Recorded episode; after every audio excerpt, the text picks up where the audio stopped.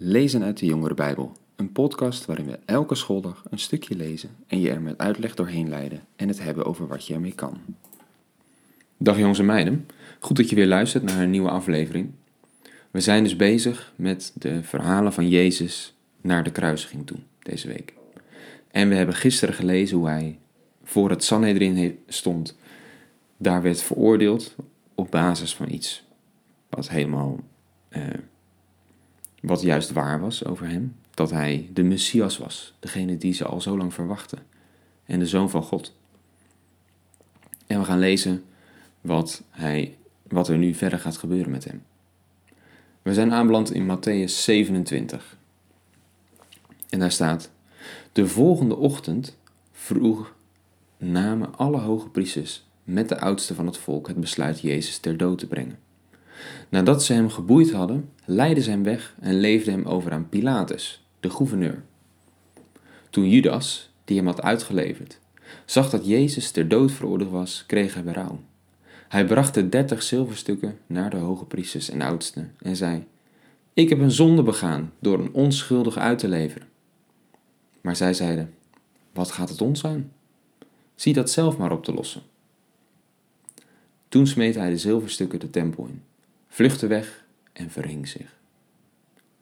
De hoge priesters verzamelden de zilverstukken en zeiden tegen elkaar: We mogen ze niet bij de tempelschat voegen, aangezien het bloedgeld is. Ze, ze besloten er de akker van de pottenbakker mee te kopen, die dan als begraafplaats voor vreemdelingen kon dienen. Daarom heet die akker tot op de dag van vandaag de bloedakker.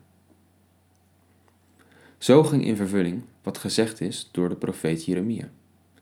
En ze verzamelden de dertig zilverstukken, het bedrag waarop hij geschat was, en dat ze hadden bepaald met de kinderen van Israël.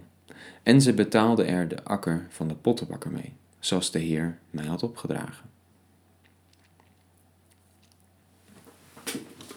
Ja, de reactie van Judas, die is apart hier, hè? want eerst geeft hij Jezus vol overtuigen over. En nu, nu hij ziet dat hij ook daadwerkelijk veroordeeld is, dan krijgt hij berouw en zegt hij dat Jezus onschuldig is. Ja, wat, wat zou Judas dan gewild hebben? Probeerde hij inderdaad Jezus uit de tent te lokken en te kijken of hij door het op scherp te zetten misschien Jezus kon dwingen om echt die Messiasrol op zich te nemen. Nou, dat wordt wel eens gezegd. Of is het toch, zoals de andere evangeliën zeggen, dat de duivel in Judas was gekomen en dat Judas het eigenlijk zelf bij zijn volle verstand nooit gewild had? Zoals nu ook blijkt achteraf. Hoe dan ook, het is een trieste rol die Judas hier moet spelen. Hij, degene die lang met Jezus had opgetrokken, als degene die Jezus zelf verraadt.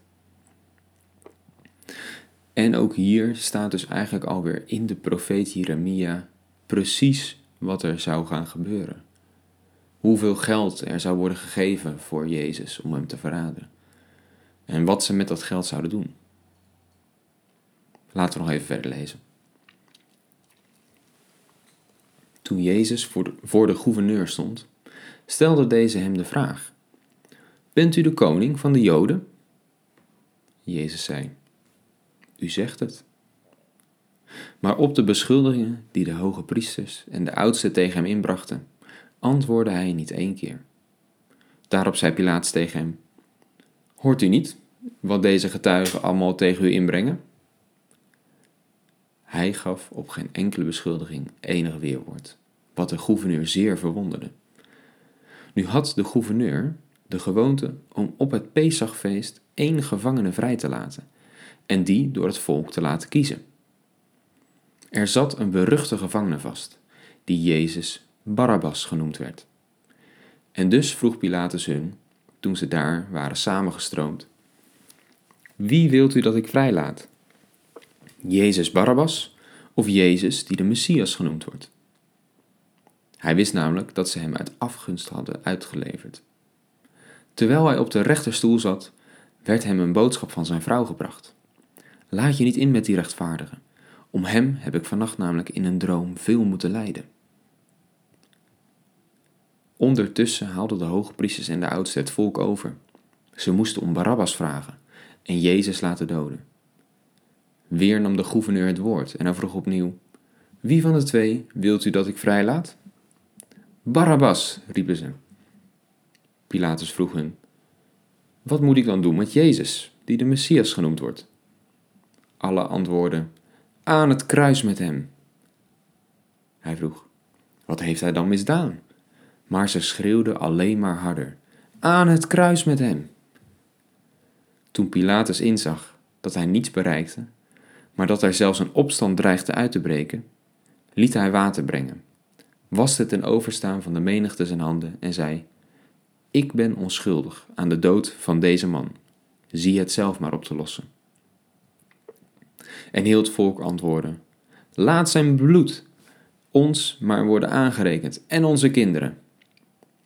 Daarop liet Pilatus Barabbas vrij, maar Jezus leverde hij uit om gekruisigd te worden, nadat hij hem eerst nog had laten geeselen.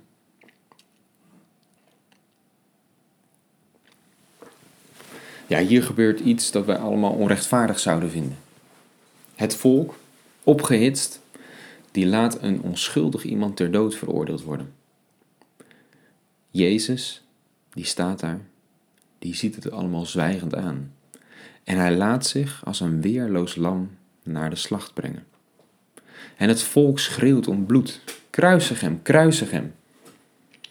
Ja, dat laat zien hè, hoe het volk hun eigen Messias, de beloofde redder van Israël, afwees. Blijkbaar hadden ze liever een misdadiger dan hun redder.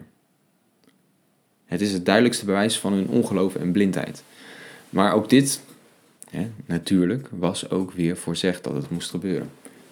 Ook hiervan staat in het Oude Testament al in de profeten dat het volk hun Messias niet zou aannemen. Heel bijzonder. En dit grootste onrecht wat de mensheid ooit heeft gedaan, Jezus, de Zoon van God, laten kruisigen, is juist dat geworden wat ons allemaal gered heeft. Ja, als ik erover nadenk wat hier allemaal gebeurd is, het blijft echt een absurd verhaal. Dat hier een soort van alles samenkomt en Jezus aan het kruis gaat en dat dat zo'n enorme invloed heeft op ieder mens die ooit geboren is. Nou ja, genoeg om over na te denken. Morgen lezen we het laatste stukje van het verhaal. Tot dan.